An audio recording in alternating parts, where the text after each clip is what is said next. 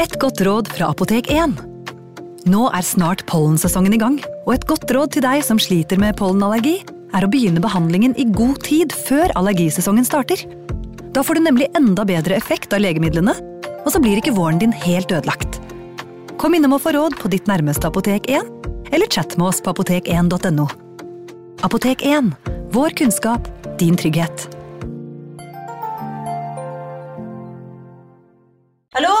Jeg kommer fra Oslo politikammer. Ine Jansen er purk. Er du purk? The motherfucking bitch. Alt jeg vil, er å finne ut hva som skjedde med mannen min. Jon Carew. Er jeg sikta for noe? Iben Akeli. Det er du. Ole So, Lars Berrum og Big Daddy Karsten. Hvem sin side er du på, egentlig? Anette Hoff, Tone Danielsen, Kommer du fra Afrika? Jørnis Josef, Nesten. Kløfta. Trond Espen Seim, Det er synd å si det, men det var feil mann som døde. Purk. Premiere tirsdag på TV2 Play. Ungsamtalen fra DNB er økonomisk veiledning tilpasset deg som er ung.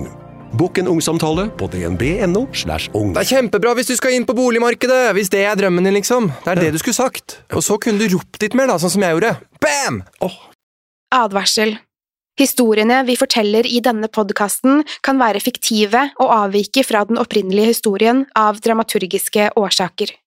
Meninger og påstander i historiene reflekterer nødvendigvis ikke programledernes meninger eller virkeligheten.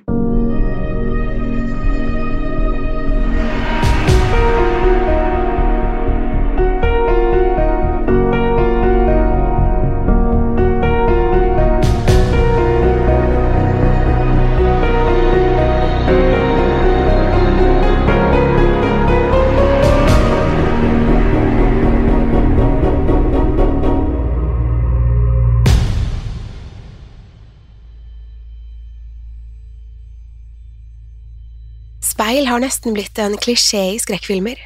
Du kjenner sikkert igjen scenen. Noen ser inn i et speil, og alt virker normalt. Så bøyer de seg ned for å vaske ansiktet, og neste gang de ser inn i speilet, dukker det opp noe som ikke var der tidligere. Kanskje er det noen som stirrer på deg. Kanskje er det et gjenferd, en demonisk kraft eller en psykotisk morder. Det er der bare i et lite øyeblikk, men lenge nok til at man forstår at noe er galt. Så snur de seg rundt, og det er likevel ingen andre i rommet. De tenker at de bare var innbilling, men alle i publikum vet at de er i livsfare. Jeg har alltid mislikt speil. Jeg trodde en stund at det var en kombinasjon av å ha sett for mange skrekkfilmer og en litt for livlig fantasi, men etter hvert som jeg har blitt eldre, har jeg innsett at det ikke er så enkelt. Hver gang jeg ser mitt eget speilbilde, er det nemlig noe som føles galt. Jeg kjenner naturligvis igjen mitt eget ansikt, men jeg får likevel ikke følelsen av at jeg ser på meg selv. Det virker nesten som at jeg stirrer inn i øynene til en fremmed person. Jeg vet at dette høres merkelig ut. Jeg prøvde å snakke om det med en venn en gang, men hun ble bare stående og stirre på meg før hun brøt ut i latter. Deretter stilte hun en rekke spørsmål som jeg ikke kunne svare på.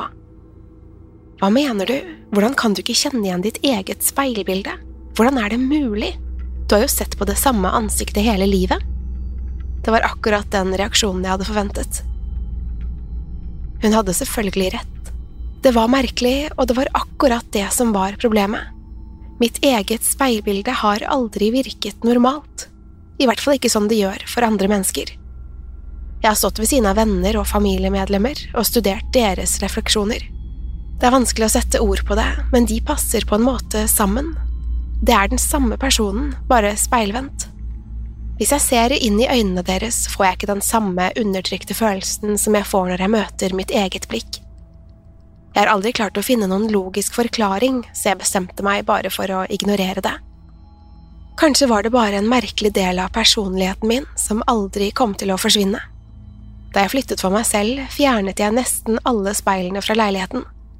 Jeg beholdt riktignok speilet i gjesterommet, men valgte å dekke det til med et laken.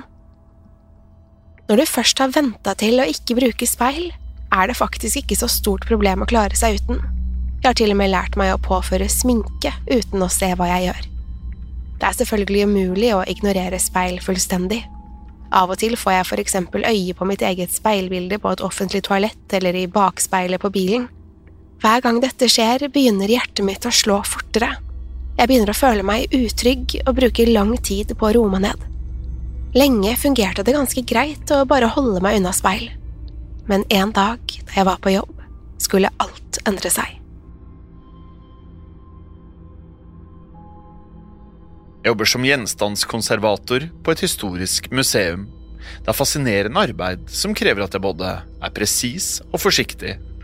Jeg jobber for det meste med gammel keramikk, statuer og utskjæringer, men det kan dukke opp alle slags gjenstander. Min store frykt var selvfølgelig at jeg en dag måtte restaurere et speil. Innerst inne visste jeg at det sannsynligvis kom til å skje før eller senere men etter fem år på museet hadde jeg aldri jobbet med et eneste speil. Jeg begynte å håpe at jeg skulle slippe unna, men det var for godt til å være sant. Det var fredag, og det nærmet seg slutten av arbeidsdagen. Da speilet ble trillet inn, var det dekket av et laken, men jeg visste umiddelbart hva det var.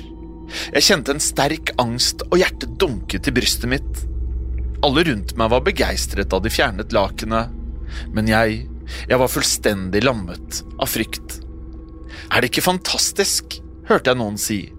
Speilet er fra tidlig 1700-tallet, og det ble laget i Frankrike. Det var flere som smilte til meg.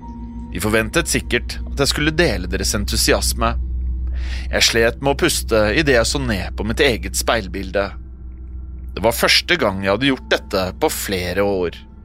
Refleksjonen stirret tilbake på meg.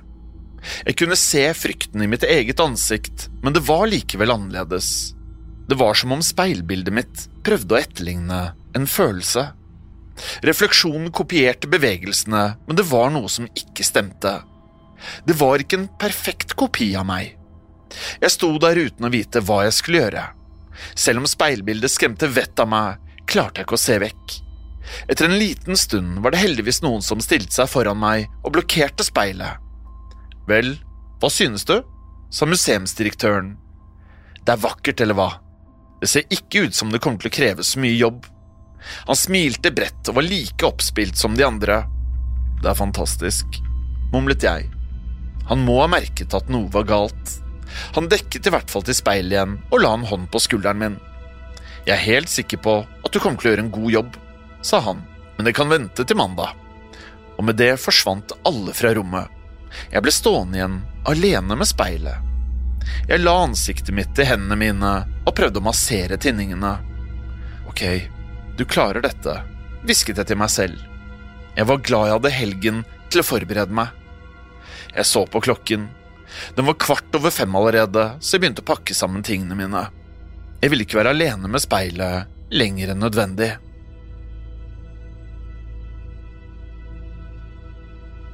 Jeg var nesten ute av bygningen da jeg innså at jeg hadde glemt nøklene mine i skuffen på arbeidsbenken. Frustrert innså jeg at jeg var nødt til å gå tilbake og hente dem. Jeg pustet dypt inn før jeg åpnet døren til verkstedet. Det er bare et dumt speil, fortalte jeg meg selv. Alt virket normalt da jeg gikk inn i rommet. Jeg skyndte meg likevel da jeg skulle gå forbi speilet. Selv om det var dekket av lakenet, ga det meg en ekkel følelse. Jeg åpnet skuffen der jeg hadde lagt nøklene, og var klar til å løpe ut av museet. Men idet jeg snudde meg, så jeg at lakenet var fjernet fra speilet. Det lå nå sammenkrøllet på gulvet. Jeg holdt på å kollapse og måtte gripe tak i arbeidsbenken for å ikke gå rett i bakken. Det er ingen grunn til panikk, prøvde jeg å fortelle meg selv. Jeg prøvde å dikte opp noen logiske forklaringer. Kanskje lakenet bare blåste av da jeg løp forbi? Innerst inne visste jeg at det ikke var det som hadde skjedd, men tanken ga meg likevel mot til å dekke til speilet på nytt. Blikket mitt var festet på mitt eget speilbilde da jeg listet meg nærmere. Jeg bøyde meg ned for å plukke opp lakenet. Idet jeg reiste meg opp, så jeg rett inn i speilet. Jeg strakk ut en arm og beveget hånden mot speilbildet. Fingrene mine presset mot det harde speilglasset. Det var så kaldt at fingertuppene mine etterlot kondens på overflaten. Refleksjonen hadde et lite smil om munnen. Det føltes ikke som at jeg smilte, men kanskje jeg bare ikke la merke til det selv. Jeg lagde en spesiell grimase bare for å forsikre meg om at speilbildet gjorde det samme mot meg. Heldigvis kopierte hun uttrykket, og jeg følte meg litt beroliget. Jeg gikk litt nærmere, så ansiktet mitt nesten rørte ved speilet. Jeg kunne se hver eneste pore, hver eneste fregne. Ansiktet var gjenkjennelig, men samtidig fremmed. Jeg pustet, og ansiktet ble skjult bak kondensen på glasset. Sakte begynte jeg å tegne et hjerte, og så at speilbildet gjorde det samme. Men samtidig la jeg merke til noe rart. Jeg kunne nemlig ikke se noe i hjertet. Jeg følte meg plutselig svimmel og uvel. Med hjertet i halsen prøvde jeg å tørke vekk kondensen med skjorteermet, men den forsvant ikke fra speilet. Jeg tok et dypt åndedrag og rykket tilbake. Deretter lukket jeg øynene og presset hendene mine mot ansiktet. Jeg telte sakte til ti før jeg åpnet øynene igjen. Det eneste jeg kunne se, var min egen refleksjon i speilet. Hun stirret tilbake på meg og var like blek og usikker som meg, men det var likevel noe som fremdeles føltes galt. Jeg plukket opp lakenet og kastet over speilet igjen.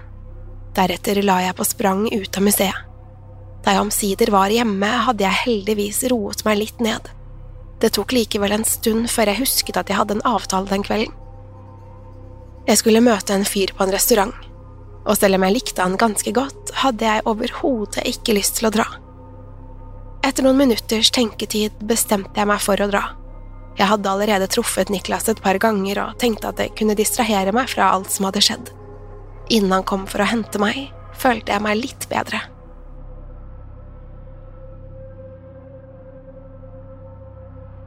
Da vi satt på restauranten, spurte Niklas om jeg hadde hatt en fin dag. Jeg nølte, og jeg var usikker på om jeg ville fortelle hva som hadde skjedd. Det føltes litt tidlig å avsløre min irrasjonelle frykt for speil. Men jeg følte også et enormt behov for å fortelle noen om hva som hadde skjedd. Jeg brydde meg ikke om det fikk meg til å virke gal. Jeg begynte å fortelle om speilet, men unngikk å se Niklas i øynene. Jeg visste at han helt sikkert ville dømme meg i stillhet. Selv om han ikke sa noe, ville ansiktsuttrykket avsløre sannheten. Men da jeg var ferdig med å snakke, så jeg bare omtanke i blikket hans, og etter et lite øyeblikk strakk han ut armen og grep hånden min. Vet du hva jeg leste en gang? spurte han. Jeg ristet forsiktig på hodet. Det var en artikkel på en helt tilfeldig nettside, men den sa hva om grunnen til at vi ikke kan gå gjennom speil, er fordi vårt eget speilbilde er i veien? Hva om det bare prøver å beskytte oss mot det som finnes på den andre siden? Niklas trakk på skuldrene. Det var bare en dum artikkel, men det høres ikke ut som at din refleksjon prøver å beskytte deg. Det virker nesten som at den prøver å komme seg ut. Han tok en liten pause mens han humret litt for seg selv. Det ville jo kanskje forklart hvorfor du er så redd for speil. Jeg satt der uten å si et eneste ord. Halsen min var både tørr og sår, og jeg visste ikke hvordan jeg skulle reagere. Jeg klarte ikke å tenke på noe annet enn det Niklas hadde sagt. Det beskrev akkurat hvordan jeg følte meg. Men hva skulle jeg gjøre med denne teorien? Det var jo kun noe han hadde lest på internett. Da vi var ferdig med å spise, ville jeg egentlig bare komme meg hjem. Men Niklas hadde andre planer. Han tok hånden min og smilte bredt. Han ville at vi skulle dra videre, men kunne ikke avsløre hvor. Det er en overraskelse, sa han. Jeg delte ikke hans entusiasme, men smilte likevel. Og til slutt lot jeg meg overtale. Vi tok en taxi til det som lignet på et forlatt lagerbygg. Det var riktignok en lang kø utenfor. Hva er det her? spurte jeg. Niklas smilte enda bredere. Det er som et slags lekehus for voksne. Jeg har sett reklame for det overalt. Det er fullt av hemmelige rom man kan utforske og ting å klatre på. Han var så oppspilt at jeg følte at jeg måtte gi det en sjanse. La oss sjekke det ut, sa jeg. Det var tross alt bedre enn å sitte alene i min egen leilighet. De første rommene var som en slags hinderløype. De involverte en blanding av klatring og kryping for å komme seg forbi en rekke ulike gjenstander. Jeg ble nesten overrasket over hvor gøy det var. Hver gang en av oss rotet seg bort, var det bare å følge lyden av latter. Da vi hadde kommet oss gjennom hinderløypen, tok Niklas meg i hånden og dro meg mot et siste rom. Jeg tror du kommer til å like dette ekstra godt, sa han mens han dyttet meg videre. Jeg skulle til å spørre hvorfor, men jeg slukte ordene idet vi gikk inn i rommet. Alle veggene var nemlig dekket av speil. Det var som en større og mer fryktinngytende versjon av noe man kan finne på et tivoli. Niklas dyttet meg lenger inn i rommet, og døren smalt igjen bak oss. Du er nødt til å konfrontere frykten, ellers vil du aldri overvinne fobiene, sa han og dyttet meg enda lenger inn i rommet. Jeg har aldri følt meg så redd som jeg gjorde i det rommet. Jeg skalv og kjente at noe trykket i brystet mitt. Frykten tok over kroppen min, og jeg klarte verken å skrike eller røre meg. Jeg klarte ikke engang å tenke. Jeg bare sto der, omringet av hundrevis av refleksjoner. Alle virket like vettskremte som meg. Jeg snudde meg for å be Niklas om å hjelpe meg ut, men han sto ikke lenger bak meg. Han hadde forsvunnet fra rommet, og jeg var nå alene med alle speilene. Desperat prøvde jeg å rope etter hjelp, men ga bare fra meg et knirkete stønn. Hjertet banket fortere og fortere, og jeg lukket øynene. Denne veien hørte jeg Niklas rope tilbake. Jeg kunne høre at han lo. Jeg snublet fremover med armene strukket foran meg. Jeg ante ikke om jeg beveget meg i riktig retning. Tårene rant nedover kinnene mine, og jeg slet med å puste. Hvor enn jeg snudde meg, så jeg bare mine egne speilbilder. Det virket som at de også ble mer og mer skrekkslagne. Idet jeg gikk rundt et hjørne, så jeg plutselig hundrevis av kopier av mitt eget bakhode oppstilt på en lang rekke. Jeg var nå helt paralysert av frykt. Jeg lukket øynene igjen og prøvde å ta noen dype åndedrag. Niklas, hvisket jeg, men denne gangen var det ingen som svarte. Jeg visste at jeg var nødt til å åpne øynene igjen hvis jeg skulle komme meg ut.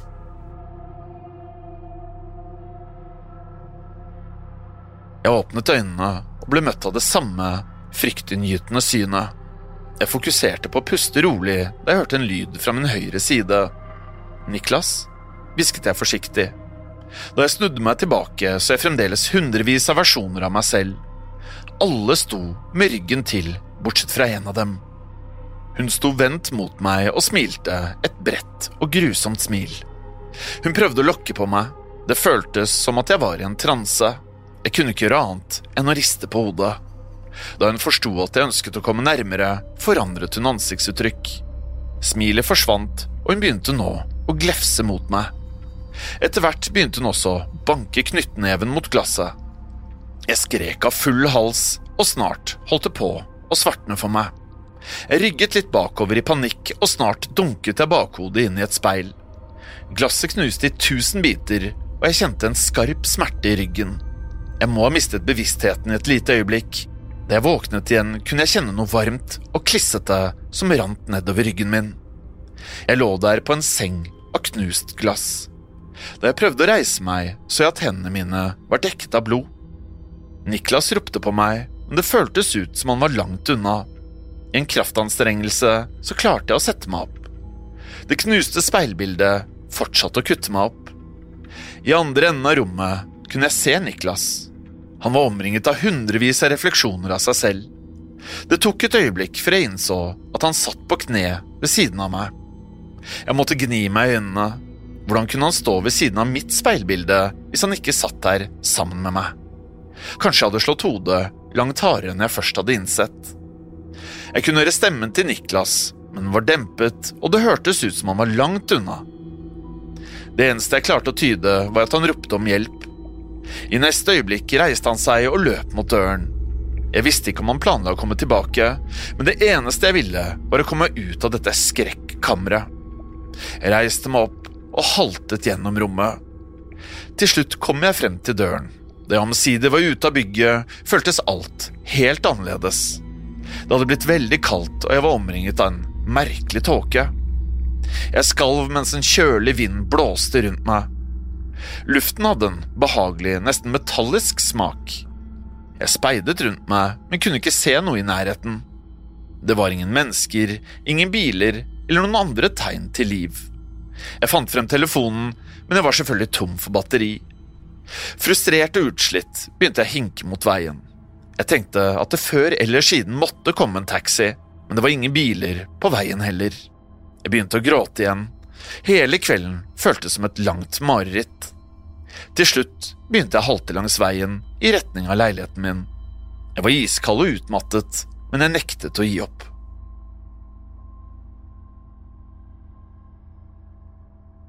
Så snart jeg var tilbake i leiligheten, satte jeg telefonen på lading. Jeg måtte fortelle noen at jeg var skadet, og at jeg nå var hjemme igjen. Da telefonen skrudde seg på igjen, fikk jeg en rekke meldinger. De fleste var fra Niklas. Jeg åpnet dem, men de var bare tilfeldige kombinasjoner av bokstaver, tall og symboler. Jeg leste dem flere ganger, men ingen av dem ga noen mening. Jeg prøvde å svare, men fikk bare feilmeldinger på telefonen. Det var heller ingen dekning, så det var ikke mulig å ringe. Panikken vokste, men jeg innså at jeg var nødt til å stelle skadene mine. Jeg begynte å vaske vekk blodet, og skjønte snart at det stort sett bare var skrammer og små kutt. Jeg fjernet alle glassbitene, men kjente at det fremdeles var én bit igjen i hodet mitt.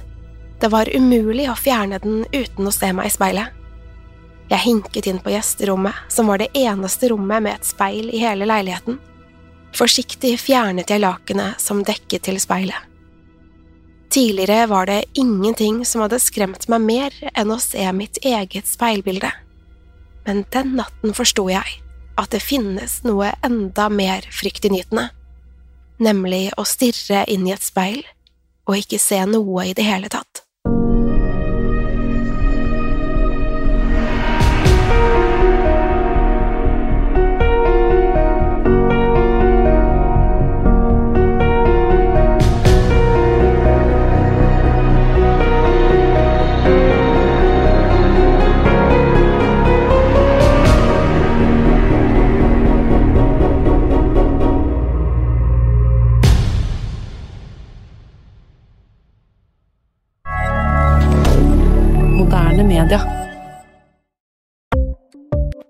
Ukens annonsør er Folio, en smartere banktjeneste for deg som har en egen bedrift eller ønsker å starte for deg selv. Folio er en superenkel nettbank for bedrifter. Som kunde i Folio får du en bedriftskonto med et bedriftskort og app. I denne appen er det smarte løsninger som forenkler regnskapet ditt, uansett om du har en liten bedrift eller et enkeltpersonsforetak. Folio er både intuitivt og brukervennlig, og er laget med et enkelt språk. I tillegg tilbyr de forutsigbare priser og ingen skjulte gebyrer. Skulle du likevel trenge det, så kan du snakke med deres raske og hyggelige kundeservice, og der får du prate med en faktisk person og ikke en chatbot. Folio er med andre ord både enklere og koseligere enn banken. Over 10 000 bedrifter har allerede valgt Folio som sin banktjeneste, så besøk folio.no og se hvordan Folio kan forenkle din hverdag også. Har du et enkeltpersonforetak eller en liten bedrift? Da er du sikkert lei av å høre meg snakke om hvor enkelt det er med kvitteringer og bilag i fiken, så vi eh, gir oss her, vi. Fordi vi liker enkelt. Fiken superenkelt regnskap. Kiwi er billigst i VGs matbørs og har vært billigst i fire av de fem siste VGs matbørser. Og nå presser vi prisene på frukt og grønnsaker. På 200 gram broccolini setter vi prisen til 24,90. På 400 gram Cevita blåbær setter vi prisen til 49,90. Og husk, alle Kiwi Pluss-kunder får i tillegg 15% trumfbonus på all fersk frukt og grønt. For det er vi som er prispresserne. Og vi i Kiwi gir oss aldri på pris.